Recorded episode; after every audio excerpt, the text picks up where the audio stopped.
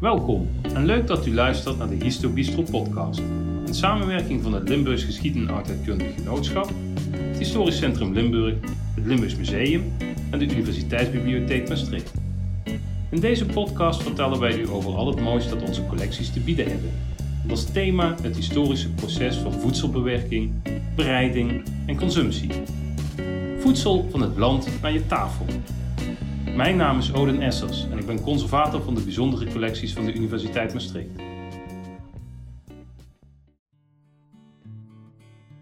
In deze aflevering wordt het eten dan eindelijk opgediend. Maar welke regels heersten er door de eeuwen heen aan tafel? Hoe moest men zich gedragen tijdens het eten? Hoe werden tafels gedekt?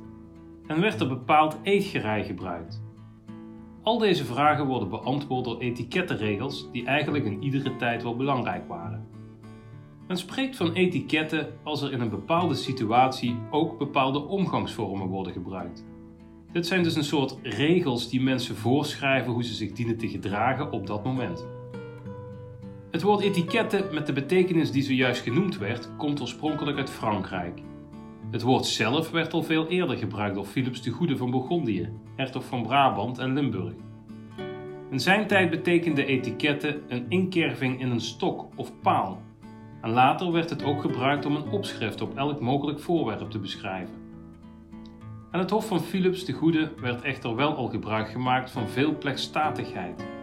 Zo kreeg het woord ook de betekenis van rooster met tijdsbesteding aan het hof. Hier zien we dus de betekenis die we tegenwoordig kennen al een beetje naar voren komen. Toen Maria van Bourgondië met Maximiliaan van Oostenrijk trouwde, werd de hofcultuur en het woord etiketten vanuit de Nederlanden mee naar Wenen genomen. Vanuit Wenen kwam het rond 1700 in Madrid terecht.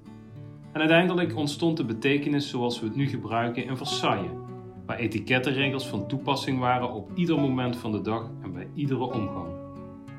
Alles verliep hier volgens een bepaalde code.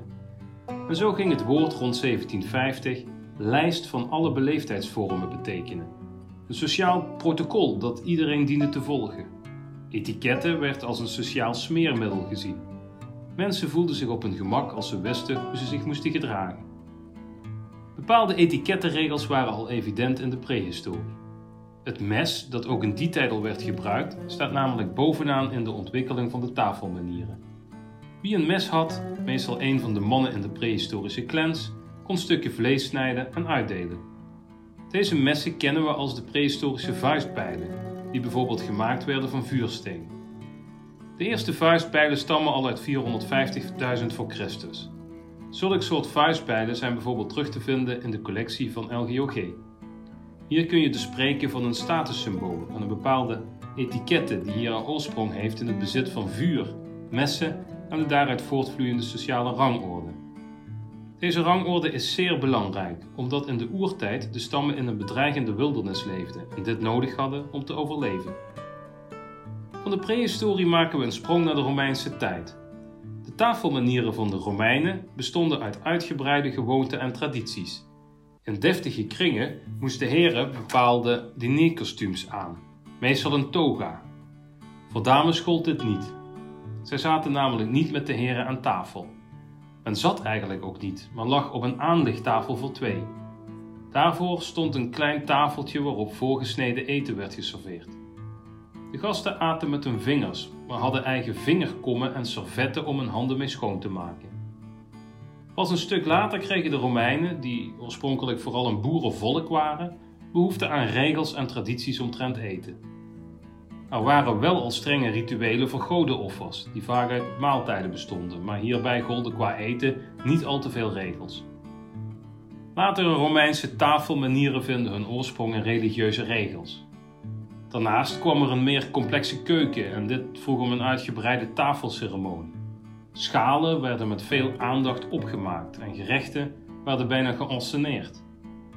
Bij het serveren van het eten werden de namen van deze gerechten opgenoemd door een omroeper, gevolgd door applaus van het hongerige publiek. Binnenkomende gerechten werden soms zelfs begeleid door vuurwerk, dansers en muziek. Het werd een kwestie van klasse om mooi tafelgereid te hebben en ook te weten hoe je dit moest gebruiken. Eten- en drinkgerei was van aardewerk, brons, glas en bij de meest rijke ook wel van zilver en goud. Aan tafel werden geen echte vorken gebruikt, er werd met de handen gegeten. Voor soep waren er lepels. Messen werden alleen door de voorsnijder gebruikt, die vooral hielp met het kleinsnijden van het vlees. Wijn werd door de wijnschenker uit een amfoor in een drinkbeker geschonken. Zulk servies en eetgerij kan men ontdekken in de collecties van het Limburgs Museum en het LGOG. Tevens beschikte de oprichter van het LGOG, Jos Habets, over prenten waarop Romeinse gebruiksvoorwerpen die werden gevonden in het Limburgse landschap worden getoond. Deze liggen opgeslagen bij het Historisch Centrum Limburg. Justine Kamps ging in gesprek met Bibi Beekman van het Limburgs Museum over Romeinse etiketten. Uh, ik ben Bibi Beekman, conservator van de archeologische collectie bij het Limburgs Museum. En ik vertel jullie hier wat meer over een aantal specifieke Romeinse objecten uit onze collectie. Allereerst de Romeinse lepel. Um, want de Romeinen aten het meeste voedsel met hun handen en vloeibare dingen met een lepel. Uh, zoals deze lepel afkomstig uit Heerlen. En uh, messen werden eigenlijk alleen gebruikt om dingen voor te snijden in eetbare porties voordat het op tafel kwam. En vorken gebruikten de Romeinen nog niet tijdens het eten, maar met de lange punt aan de achterkant van zo'n lepel konden ze bijvoorbeeld wel gebakken slakken uit hun huisje prikken. En omdat men vooral met hun handen at, bestond het servies van de Romeinen vooral uit kommen en drinkgerei. En uh, we hebben ook een Romeinse kom uit Venlo in onze collectie. En dat is een Terra Sigillata kom. En die heeft de typische gestempelde decoratie en rode kleur. En dit aardewerk werd geïmporteerd en is een stuk luxer dan de lokaal vervaardigde kommen. Maar op echt chique diners werd nog luxe servies gebruikt van metaal of zilver bijvoorbeeld. Ook dronken de Romeinen wijn tijdens het eten. Eh, dat werd dan geschonken uit een amfoor, een soort kruik waarin het wijn ook bewaard werd. Uh, en de Romeinen die dronken hun wijn door het te vermengen met koud of warm water. En het werd zelfs als iets barbaars gezien om uh, onverdunde wijn te drinken. De wijn dronken ze uit drinkbekers. En we hebben in de collectie een drinkbeker van aardewerk zitten met schubben aan de buitenzijde. En dat is niet alleen bedoeld als versiering, maar ook heel handig als je door het eten met je vingers wat vette vingers hebt, zodat die niet uit je handen glipt. En dat bekertje is gevonden in Venlo, maar is gemaakt in Keulen. Reinheid en ingetogenheid bij het eten waren in deze latere periode essentieel voor de Romeinen. Slaven wassen de voeten van de gasten, die zonder schoenen op de aanlichtbedden lagen. Verder gingen deze slaven regelmatig rond met warme handdoekjes om de vingers van de gasten schoon te maken. Als je wist hoe het hoorde, bracht je je eigen servet mee. In de bijzondere collecties van de Universiteit Maastricht komen we het gastronomische werk La Physiologie du goût van de Franse rechter en schrijver Jean-Antoine Brillat-Savarin tegen. In dit culinaire werk uit 1826 geeft Jean extra informatie over hoe de Romeinen aten. De banken waar de mannen aan lagen waren aanvankelijk gemaakt van dozen gevuld met stro en bedekt met huiden. Geleidelijk werden ze echter luxueuzer en werden ze gemaakt van de meest kostbare houtsoorten, ingelegd met ivoor en soms met edelstenen. De kussens waren zacht en de hoezen prachtig geborduurd. Fysiek vereist het aanleggen een zekere mate van kracht om het evenwicht te bewaren en is het niet zonder enige pijn. De elleboog ondersteunt een onevenredig deel van het lichaamsgewicht. Ook komt het voedsel met meer moeite in de maag terecht. Drinken is nog moeilijker en het vereist een bijzondere aandacht om geen wijn te morsen. In de periode tussen 500 en 1000 was het dagelijks leven in Europa behoorlijk ontregeld. Behalve in de kloosters. Waar geen orde heerst, kan men zich ook niet druk maken over netjes eten en beleefde conversaties. En dus gaan we ervan uit dat etiketten in deze tijd vooral voor de gewone burgers geen grote rol spelen. Na het jaar 1000 groeiden enerzijds de dorpen uit tot steden met een bovenlaag van rijke burgers en ontwikkelde zich anderzijds een riddercultuur. Alleen de armen konden zich geen tafelcultuur veroorloven, omdat deze mensen vaak onder erbarmelijke omstandigheden leefden en weinig te eten hadden. In de vroege middeleeuwen gebruikten eenvoudige mensen schotels en borden van hout. Deze eetplankjes waren oorspronkelijk rechthoekig van vorm. Ze werden theoren genoemd, naar tailler, wat snijden betekent. In het Vlaams zegt men teloor, in het Nederlandse teljor en in het Duits teller. In het Limburgse dialect lijkt het woord voor bord op veel plaatsen nog op het woord dat in de middeleeuwen ook werd gebruikt voor bord. Het vaatwerk van de burgerij was van tin. Ook hier ging het aanvankelijk om een vierkant of rechthoekig tinnen plankje met een opstaand randje. Daarna kreeg het pas een ronde vorm, Het servies van de edelen was ook wel van goud of zilver, of het was verguld. Dit vaatwerk was voor de rijke bovenlaag niet alleen bedoeld voor vertoon, maar ook een belegging voor financieel mindere tijden. Het ging vaak over familiestukken. Bestek was geen gemeengoed. Wel werden er messen gebruikt om voedsel te snijden en voedsel naar de mond te brengen. Als gast moest men zijn eigen mes meebrengen. Extra fraaie messen waren ervoor wanneer men ergens te eten werd uitgenodigd. Het Limburgs Museum beschikt over dit soort stukken in haar collectie. De hoofdse of riddercultuur ontwikkelde zich in dezelfde tijd vanuit het ruwe leven in de vroege middeleeuwen. Gooien met botten, boeren of stom dronken worden, iets waarvan we door films vaak denken dat het er in die tijd zo aan toe ging, werd in een beschaafde ridderburcht absoluut niet toegelaten. Veel regels werden door de ridders meegebracht uit het oosten, waar ze op kruistocht gingen. De Arabische cultuur was zeer hoog ontwikkeld en verfijnd. Zo werd de Hoofdse riddercultuur de eerste in de westerse wereld waarin de etikette centraal stond. Etikette was belangrijk aan tafel, maar ook tijdens de jacht en in de liefde. De regels van de ridderadel werden in de middeleeuwen nagebootst door de rijke burgers van de groeiende steden. Hun huizen waren vaak ongekend luxueus en zij besteden veel geld aan bestek, glaswerk en servies. Maaltijden met vijf gangen, waarbij elke gang uit verschillende gerechten bestond, waren heel normaal. De vork als onderdeel van het bestek ontstond pas in de 16e eeuw, in de hogere sociale klasse. De oudste beschrijving dateert uit 1023, maar zoals we net hebben gehoord werd als bestek vooral het mes gebruikt in de eeuwen hiervoor.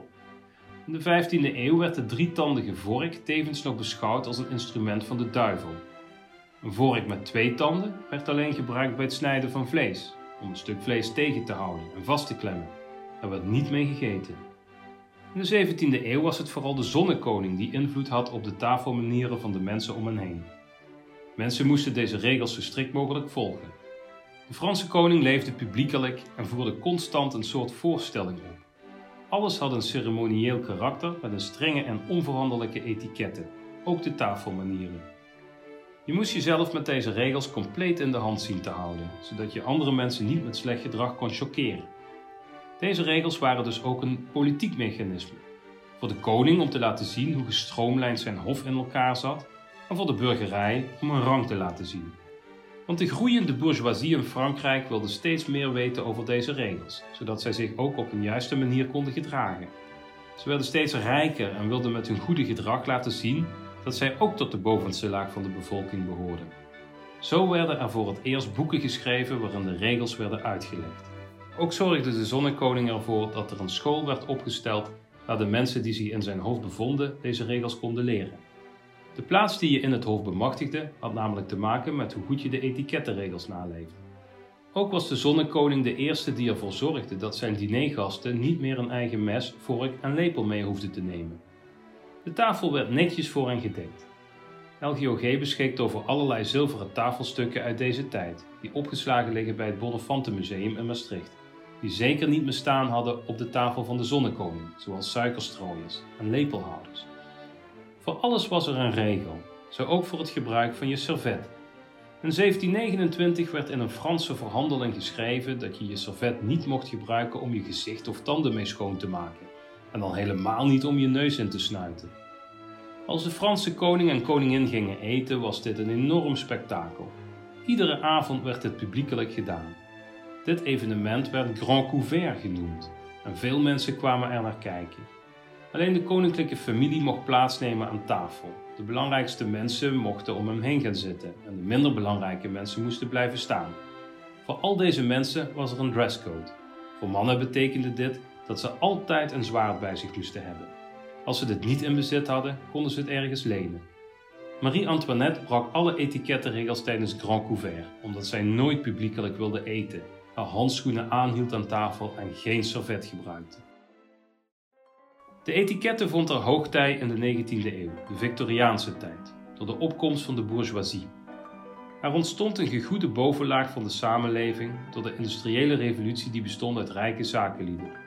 Deze mensen hadden hun status gekregen door hard te werken en wilden door het gebruik van etiketten laten zien dat zij welvarend waren.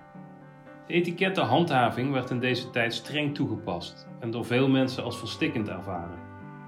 Er verschenen ook meerdere boeken waarin etikettenregels werden uitgelegd. Deze boeken hadden vaak een bepaalde ondertoon, veelal religieus, waarmee werd geprobeerd de levens van de jonge lezers te beïnvloeden. In 1876 werden de volgende regels bijvoorbeeld opgesteld. Tijdens een tea party mocht men alleen lichte gerechten serveren en geen alcohol drinken. Men moest als gastheer of vrouw constant langs de gasten lopen om te vragen of ze een nieuw drankje zouden willen. Tijdens een diner moest de eetkamer enigszins verduisterd worden. De tafel mocht wel versierd worden, maar alle decoraties moesten zo laag mogelijk zijn, zodat men elkaar zo goed mogelijk kon zien. Iedere plaats moest zijn voorzien van een bord, twee grote messen, een klein mes en een kleine vork voor vis, drie grote vorken, een lepel voor soep, een kleine vork voor oesters, een waterbeker en een servet. Er werd aangeraden het diner te beginnen met rauwe oesters. Daarna volgde soep, vis, vlees en een salade met kaas en brood. Als laatste werd natuurlijk het toetje geserveerd, met daarbij fruit en bonbons. Koffie kan er nog geserveerd worden in een aparte ruimte. Deze hele verfijnde setting is ook terug te zien in het servies dat in die tijd gebruikt werd. Vanaf de 17e eeuw bereikte het Chinese porselein Europa. Door het geweldige succes daarvan men zich ook in Europa vanaf de 18e eeuw aan de porseleinproductie wagen. Het vaatwerk veranderde hiermee ook van vorm. De nap werd een soepbord en de soepterrine verscheen. Open schalen werden dekschalen waarin alles langer warm bleef. Al gauw kreeg het porselein concurrentie van het Delfts aardewerk en later van Engelse keramische producten. De bekende aardewerkfabriek van Petrus Regout, die in 1836 in Maastricht van start ging, nam zelfs Engelse arbeiders aan en importeerde Engelse grondstoffen om met de Engelse creamware te kunnen concurreren.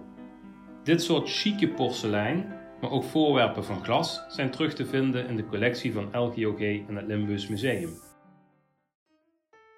Uiteindelijk maakte de oppervlakkige en materialistische levensstijl van de burgerij plaats voor de moderne tijd, met zijn snelle maatschappelijke veranderingen. Etiketten werd daardoor vereenvoudigd, maar ging niet verloren. Zo vinden we in de collectie van het Limburgs Museum het boekje Tafeltje Dekje, handleiding in het tafeldekken, dienen en versieren uit 1937. Dit boekje verscheen in de serie Kleine Huishoudreeks. In het boek vindt men tips over benodigdheden voor het dekken van een tafel, hoe men thee moet zetten, schenken en opdienen, hoe een diner opgediend moet worden en het doel van tafelversiering. Zelfs nu nog zijn er mensen die strenge etikettenregels naleven en die op les gaan om zo hun status aan anderen te kunnen laten zien. Zo gaat de cultuur van de etiketten niet verloren. Maar het servies waar men van at, dat heeft natuurlijk een nieuw uiterlijk gekregen. Bedankt voor het luisteren naar aflevering 5 van de Histo Bistro podcast, de laatste aflevering van deze serie. Wilt u meer horen van de Histo Bistro? Laat het ons weten. Wie weet volgen er zo meer afleveringen in de toekomst. Vergeet niet om mee te doen aan de giveaway door uw eigen kookkunsten te delen via de Facebookpagina. Deze aflevering was een samenwerking van het Limburgs Geschied- en Oudheidkundig Genootschap, het Historisch Centrum Limburg, het Limburgs Museum en de Universiteitsbibliotheek Maastricht. De tekst werd geschreven door Justine Kamps, Papke Aarts en Odin Essers en ingesproken door Odin Essers en Job Nijssen. Wij willen Bibi Beekman bedanken voor haar bijdrage. De productie was in handen van Justine Kamps. Alle bronnen die gebruikt werden bij het schrijven van deze aflevering en afbeeldingen van hetgeen waarover gesproken werd, kunt u vinden op de Facebookpagina van de Histo Bistro. Vergeet niet om ons daar te volgen. En heeft u deze podcast met plezier beluisterd? Laat dan een review achter of deel deze aflevering met andere belangstellenden.